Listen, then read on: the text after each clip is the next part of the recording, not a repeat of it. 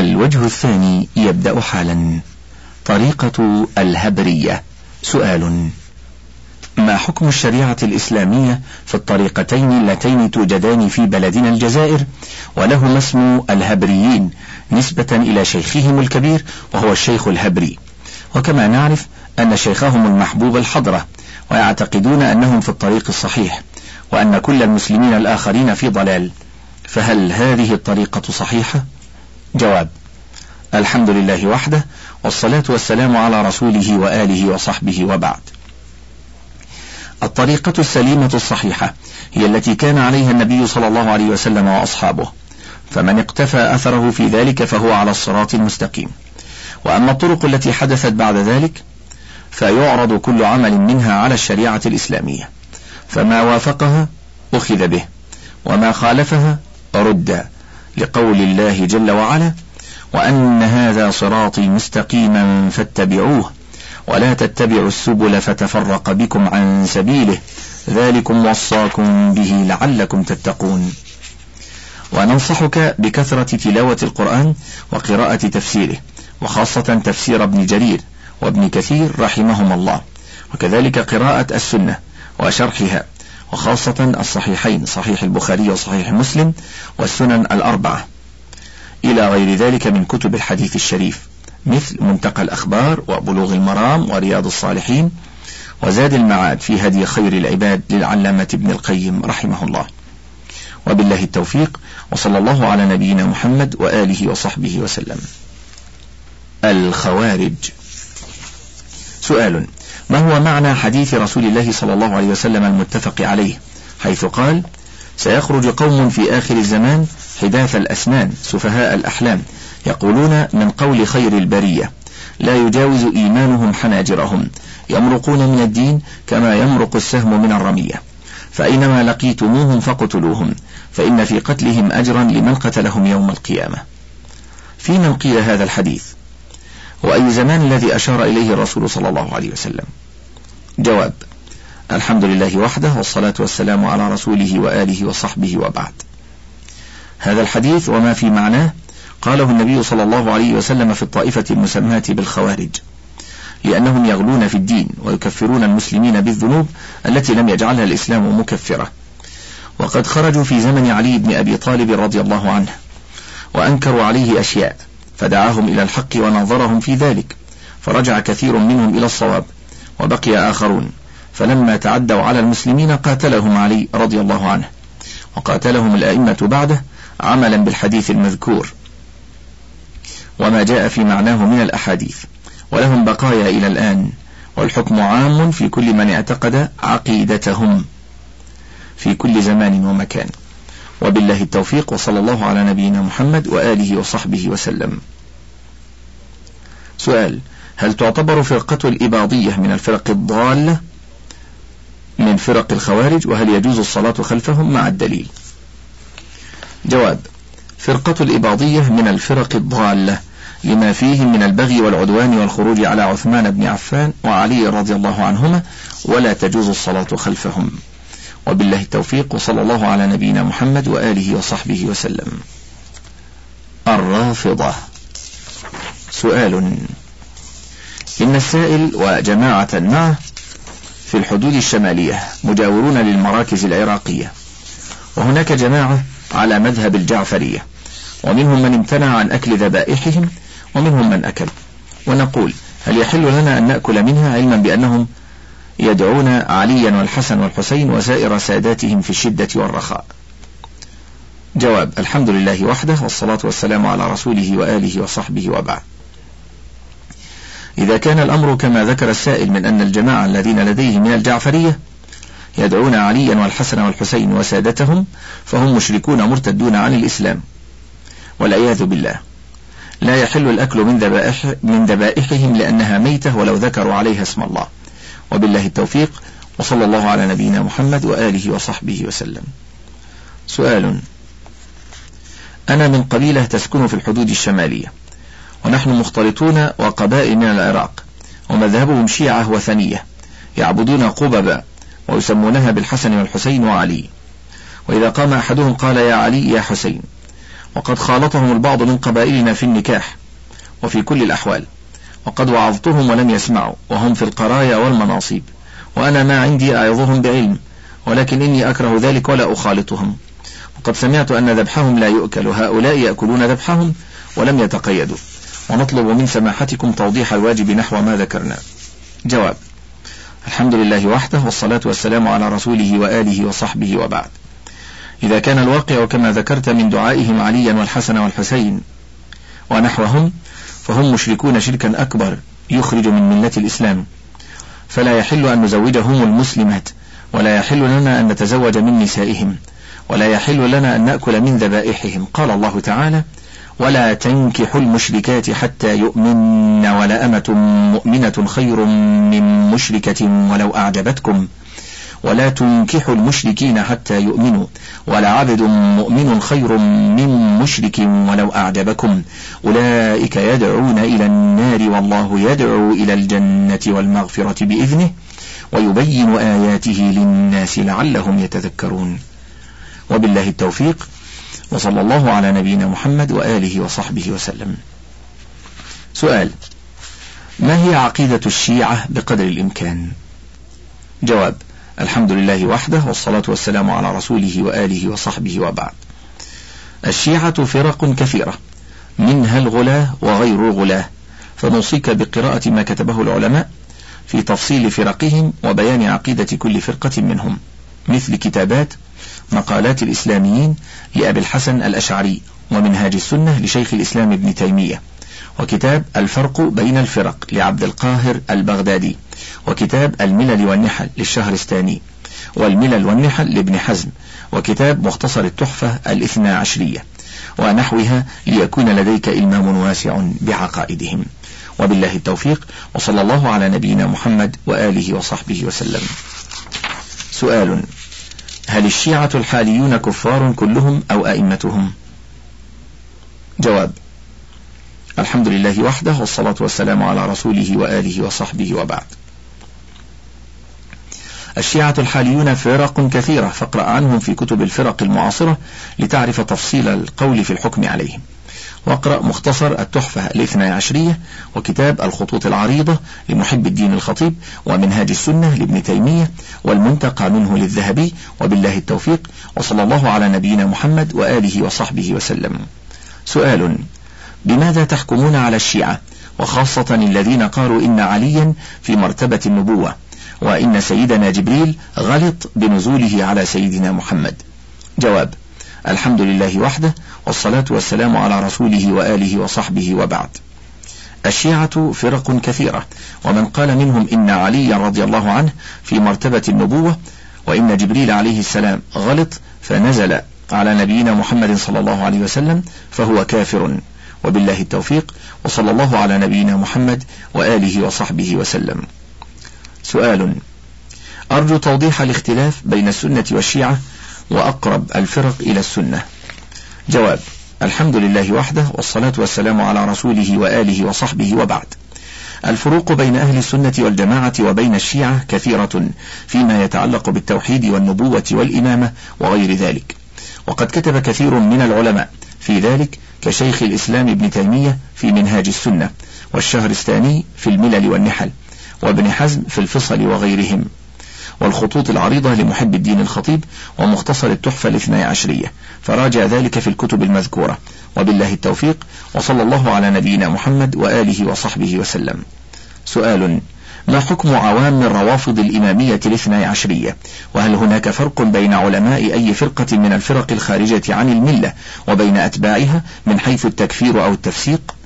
جواب الحمد لله وحده والصلاة والسلام على رسوله وآله وصحبه وبعد. من شايع من العوام إماما من أئمة الكفر والضلال وانتصر لسادتهم وكبرائهم بغيا وعدوى حكم له بحكمهم كفرا وفسقا. قال الله تعالى يسألك الناس عن الساعة. إلى أن قال وقالوا ربنا إنا أطعنا سادتنا وكبراءنا فأضلونا السبيلا. ربنا آتهم ضعفين من العذاب والعنهم لعنا كبيرا. واقرأ الآية رقم خمسة وستين ومائة ستة وستين ومائة سبعة وستين ومائة من سورة البقرة. والآية رقم سبعة وثلاثين ثمانية وثلاثين تسعة وثلاثين من سورة الأعراف. والآية رقم إحدى وعشرين واثنين واثنتين وعشرين من سورة إبراهيم. والآية رقم ثمانية وعشرين وتسعة وعشرين من سورة الفرقان. والآيات رقم اثنين وستين ثلاثة وستين أربعة وستين من سورة القصص. والآيات رقم واحد وثلاثين اثنين وثلاثين ثلاثة وثلاثين من سورة سبع والآيات رقم عشرين حتى الآية السادسة والثلاثين من سورة الصافات. والآيات من السابعة والأربعين حتى الخمسين من سورة غافر. وغير ذلك في الكتاب والسنة كثير. ولأن النبي صلى الله عليه وسلم قاتل رؤساء المشركين وأتباعهم. وكذلك فعل أصحابه ولم يفرقوا بين السادة والأتباع. وبالله التوفيق وصلى الله على نبينا محمد وآله وصحبه وسلم. سؤال هل الطريقة الشيعة الإمامية من الإسلام؟ ومن الذي اخترعها؟ لأنهم أي الشيعة ينسبون مذهبهم لسيدنا علي كرم الله وجهه. ينسبون مذهبهم لسيدنا علي كرم الله وجهه. وأيضا إذا لم يكن مذهب الشيعة من الإسلام ما الخلاف بينه وبين الإسلام؟ وأرجو من فضيلتكم وإحسانكم بيانا واضحا شافيا بالأدلة الصحيحة خصوصا مذهب الشيعة وعقائدهم وبيان بعض الطرق المخترعة في الإسلام. جواب الحمد لله وحده والصلاة والسلام على رسوله وآله وصحبه وبعد. مذهب الشيعة الإمامية مذهب مبتدع في الإسلام أصوله وفروعه ونوصيك بمراجعة كتاب الخطوط العريضة ومختصر التحفة الاثني عشرية. ومنهاج السنة لشيخ الإسلام وفيها بيان الكثير من بدعهم. وبالله التوفيق وصلى الله على نبينا محمد وآله وصحبه وسلم. سؤال لقد انتشر في بلاد نيجيريا حب آية الله خميني وثورته الشيعية الإيرانية في شباب المسلمين ويرى هؤلاء الشباب أنه لا يوجد لدى العالم الإسلامي دولة تحكم بما أنزل الله إلا الدولة الإيرانية ولا يوجد رئيس دولة مسلم إلا آية الله خميني. والآن بدأت دعوتهم تنتشر في نيجيريا. لذلك نرجو منكم توضيحا كافيا عن حقيقة الشيعة الإيرانية ورئيس هذه الدولة آية الله خميني وما يدعو إليه. وإن شاء الله إذا وجدنا ذلك سنحاول ترجمته بلغتنا الهوسة واللغة الإنجليزية حتى نتخلص من هذه العقيدة في بلادنا لأن الجمهورية الإيرانية يرسلون للمسلمين في نيجيريا كتبا كثيرة في كل شهر. فأفتونا جزاكم الله خيرا وبارك الله فيكم. وقد أجابت اللجنة الدائمة للبحوث العلمية والإفتاء قائلة الحمد لله وحده والصلاة والسلام على رسوله وآله وصحبه وبعد. ما زعمه هؤلاء الشبان من أنه لا يوجد في العالم الإسلامي دولة تحكم بما أنزل الله إلا الدولة الإيرانية ولا يوجد رئيس دولة مسلم إلا آية الله الخميني زعم باطل بل كذب وافتراء. يشهد بذلك واقع الدولة الإيرانية ورئيسها عقيدة وعلما فإن الشيعة الإمامية الإثنى عشرية قد نقلوا في كتبهم عن أئمتهم أن القرآن الذي جمعه عثمان ابن عفان رضي الله عنه عن طريق حفاظ القرآن من الصحابة محرف بالزيادة فيه والنقص منه وبتبديل بعض كلماته وجمله وبحذف بعض آيات وسور منه. يعرف ذلك من قرأ كتاب فصل الخطاب في تحريف كتاب رب الأرباب. الذي ألفه حسين ابن محمد تقي النوري الطبرسي في تحريف القرآن وأمثاله مما ألف انتصارا للرافضة. ودعما لمذهبهم كمنهاج الكرامة لابن المطهر كما أنهم يعرضون عن دواوين السنة الصحيحة كصحيحي البخاري ومسلم فلا يعتبرونها مرجعا لهم في الاستدلال على الأحكام عقيدة وفقها ولا يعتمدون عليها في تفسير القرآن وبيانه. بل استحدثوا كتبا في الحديث وأصلوا لأنفسهم أصولا غير إسلامية يرجعون إليها في تمييز الضعيف في زعمهم من الصحيح. وجعلوا من أصولهم الرجوع إلى أقوال الآئمة الاثني عشر المعصومين في زعمهم. فمن أين يكون لديهم من علم القرآن المتواتر والسنة الصحيحة؟ وقواعد الشريعة الثابتة وأحكامها ما يطبقون على قضايا أمتهم الإيرانية التي يحكمونها. وكيف يقال مع ذلك لا يوجد رئيس دولة مسلم إلا آية الله الخميني.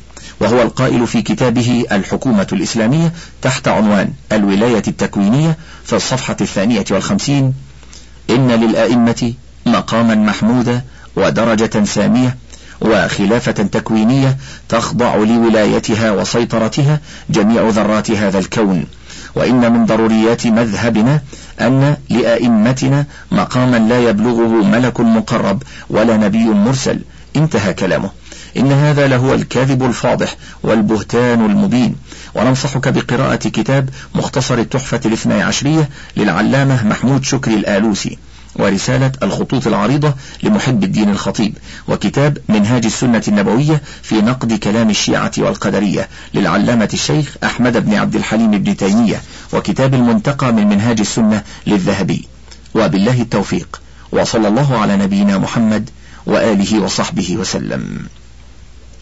طائفة البهرة سؤال. كبير علماء بوهرة يصر على أنه يجب على أتباعه أن يقدموا له سجدة كلما يزورونه. فهل وجد هذا العمل في زمن رسول الله صلى الله عليه وسلم أو الخلفاء الراشدين؟ وحديثا نشرت صورة لرجل بوهري يسجد لكبير علماء بوهرة في جريدة من الباكستانية المعروفة الصادرة في السادس من أكتوبر سنة سبع وسبعين وتسعمائة وألف ميلادية. ولإطلاعكم عليها نرفق لكم تلك الصورة. جواب الحمد لله وحده والصلاة والسلام على رسوله وآله وصحبه وبعد.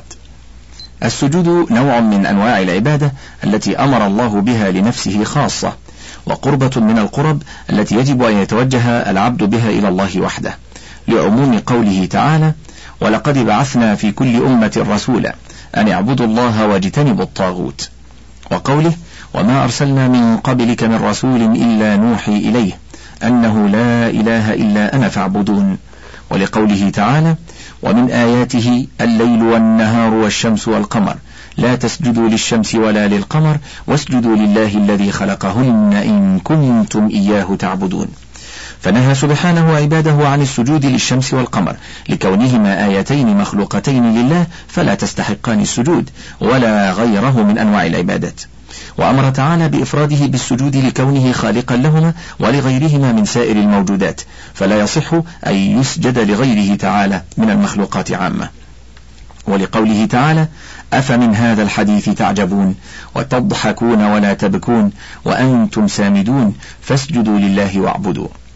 فأمر بالسجود له تعالى وحده ثم عم فأمر عباده أن يتوجهوا إليه وحده بسائر أنواع العبادة دون سواه من المخلوقات. فإذا كان حال البوهرة كما ذكر في السؤال فسجودهم لكبيرهم عبادة وتأليه له واتخاذ له شريكا مع الله أو إلها من دون الله. وأمره إياهم بذلك أو رضاه به يجعله طاغوتا يدعو إلى عبادة نفسه. فكلا الفريقين التابع والمتبوع كافر بالله خارج بذلك عن ملة الإسلام والعياذ بالله. سؤال جميع النساء يقبلن يده ورجله فهل يجوز في الإسلام لرجل غير محرم للنساء أن يلمسن أيدي كبير العلماء؟ وهذا العمل ليس خاصا بكبير العلماء بل هو لكل فرد من أفراد أسرته. جواب أولا ما ذكر من تقبيل النساء النساء البوهرة يد كبيرهم؟ ورجله وتقبيلهن يد كل فرد من أسرته ورجله لا يجوز. ولم يعرف ذلك مع النبي صلى الله عليه وسلم ولا مع أحد من الخلفاء الراشدين وذلك لما فيه من الغلو في تعظيم المخلوق وهو ذريعة إلى الشرك. ثانيا لا يجوز للرجل أن يصافح امرأة أجنبية منه ولا أن يمس جسدها لما في ذلك من الفتنة ولأنه ذريعة إلى ما هو شر منه من الزنا ووسائله. وقد ثبت عن عائشة رضي الله عنها أنها قالت كان رسول الله صلى الله عليه وسلم يمتحن من هاجرنا إليه من المؤمنات بهذه الآية بقول الله يا أيها النبي إذا جاءك المؤمنات يبايعنك إلى قوله غفور رحيم قال عروة قالت عائشة فمن أقر بهذا الشرط من المؤمنات؟ قال لها رسول الله صلى الله عليه وسلم قد بايعتك كلاما. ولا والله ما مست يده يد امرأة قط في المبايعة. ما يبايعهن إلا بقوله قد بايعتك على ذلك. فإذا كان رسول الله صلى الله عليه وسلم لم يبايع النساء مصافحة بل بايعهن كلاما فقط مع وجود المقتضي للمصافحة ومع عصمته وأمن الفتنة بالنسبة له فغيره من أمته أولى بأنه يجتنب مصافحة النساء الأجنبيات منه بل يحرم عليه ذلك فضلا عن تقبيل يده ورجله وأيدي وأرجل أفراد أسرته وقد صح عن النبي صلى الله عليه وسلم أنه قال إني لا أصافح النساء. وقد قال الله عز وجل لقد كان لكم في رسول الله أسوة حسنة. الآية. سؤال كبير علماء بوهرة يدعي أنه المالك الكلي للروح والإيمان. العقائد الدينية نيابة عن أتباعه. جواب إذا كان كبير علماء بوهرة يدعي ما ذكر فدعواه باطلة سواء أراد بما يدعيه من ملك الروح والإيمان أن الأرواح والقلوب بيده يصرفها كيف يشاء فيهديها إلى الإيمان أو يضلها عن سواء السبيل فإن ذلك ليس إلى أحد سوى الله تعالى. لقوله سبحانه فمن يرد الله أن يهديه يشرح صدره للإسلام ومن يرد أن يضله يجعل صدره ضيقا حرجا كأنما يصعد في السماء. كذلك يجعل الله الرجس على الذين لا يؤمنون. وقوله من يهدي الله فهو المهتدئ ومن يضلل فلن تجد له وليا مرشدا. إلى غير ذلك من الآيات الدالة على أن تصريف القلوب بهدايتها وإضلالها إلى الله دون سواه. ولما ثبت من قوله صلى الله عليه وسلم قلوب العباد بين إصبعين من أصابع الرحمن يصرفها كيف يشاء. ومن دعائه صلى الله عليه وسلم عند فزعه إلى ربه بقوله يا مقلب القلوب ثبت قلبي على دينك. أو أراد بملكه الأرواح والإيمان نيابة عن جماعته أن إيمانه يكفي أتباعه أن يؤمنوا وأنهم يثابون بذلك ويؤجرون وينجون من العذاب. بل وينجون من العذاب. وإن أساءوا العمل وارتكبوا الجرائم والمنكرات فإن ذلك مناقض لما جاء في القرآن من قوله تعالى لها ما كسبت وعليها ما اكتسبت. وقوله كل امرئ بما كسب رهين. وقوله كل نفس بما كسبت رهينة إلا أصحاب اليمين في جنات يتساءلون عن المجرمين ما سلككم في سقر. ما سلككم في سقر الآية وقوله من يعمل سوءا يجز به. ولا يجد له من دون الله وليا ولا نصيرا. ومن يعمل من الصالحات من ذكر أو أنثى وهو مؤمن فأولئك يدخلون الجنة ولا يظلمون نقيرا. وقوله وأن ليس للإنسان إلا ما سعى.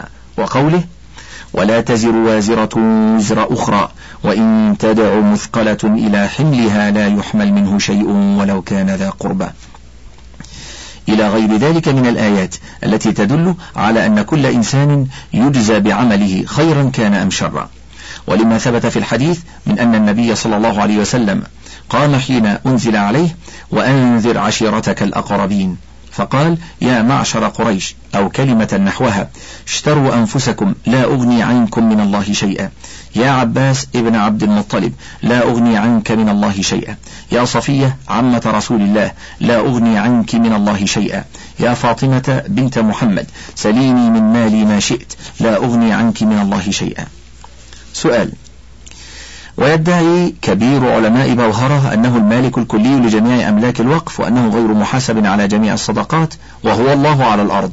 كما ادعى ذلك كبير العلماء المتوفى سيدنا طاهر سيف الدين في قضية بالمحكمة العليا في مدينة بومباي وله القدرة الكاملة على جميع أتباعه. جواب ما ذكر في السؤال عن دعوى كبير البوهرة ملكه الكلي لجميع أملاك الوقف وأنه غير محاسب على جميع الصدقات وأنه هو الله على الأرض كلها دعاوى باطلة سواء صدرت منه أم من غيره. أما الأولى فلأن أعيان الأوقاف لا تملك وإنما يملك الانتفاع بضالتها وذلك بصرفها إلى الجهات التي جعلت وقفا عليها لا إلى غيرها. فلا يملك كبير البوهرة أعيان أي أوقاف ولا يملك شيئا من غلتها إلا غلة ما جعل وقفا عليه إن كان أهلا لذلك.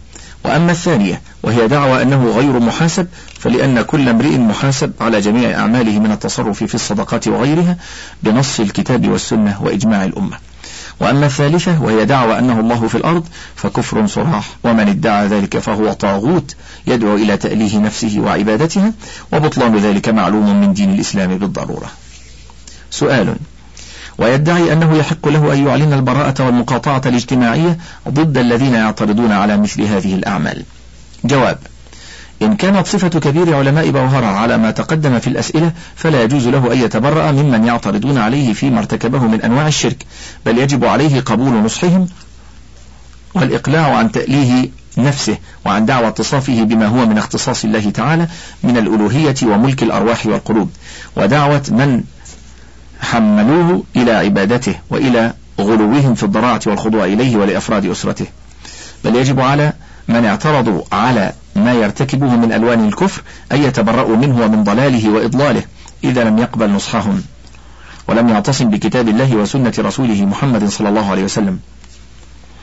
وأن يتبرأوا من أتباعه وكل من كان على شاكلتهم من الطواغيت وعبدة الطواغيت. قال الله تعالى واعتصموا بحبل الله جميعا. وقال لقد كان لكم في رسول الله أسوة حسنة لمن كان يرجو الله واليوم الآخر وذكر الله كثيرا. وقال ولقد بعثنا في كل أمة رسولا أن يعبدوا الله واجتنبوا الطاغوت. وقال والذين اجتنبوا الطاغوت أن يعبدوها وأنابوا إلى الله لهم البشرى فبشر عباد الذين يستمعون القول فيتبعون أحسنه. أولئك الذين هداهم الله وأولئك هم أولو الألباب. وقال قد كانت لكم أسوة حسنة في إبراهيم والذين معه إذ قالوا لقومهم إنا براء منكم ومما تعبدون من دون الله كفرنا بكم وبدا بيننا وبينكم العداوة والبغضاء أبدا حتى تؤمنوا بالله وحده. إلى أن قال سبحانه وتعالى أعوذ بالله من الشيطان الرجيم. بسم الله الرحمن الرحيم. لقد كان لكم فيهم أسوة حسنة لمن كان يرجو الله واليوم الآخر. لمن كان يرجو الله واليوم الآخر ومن يتول فإن الله هو الغني الحميد. سؤال هل الإسلام يسمح بالاضطهاد الديني؟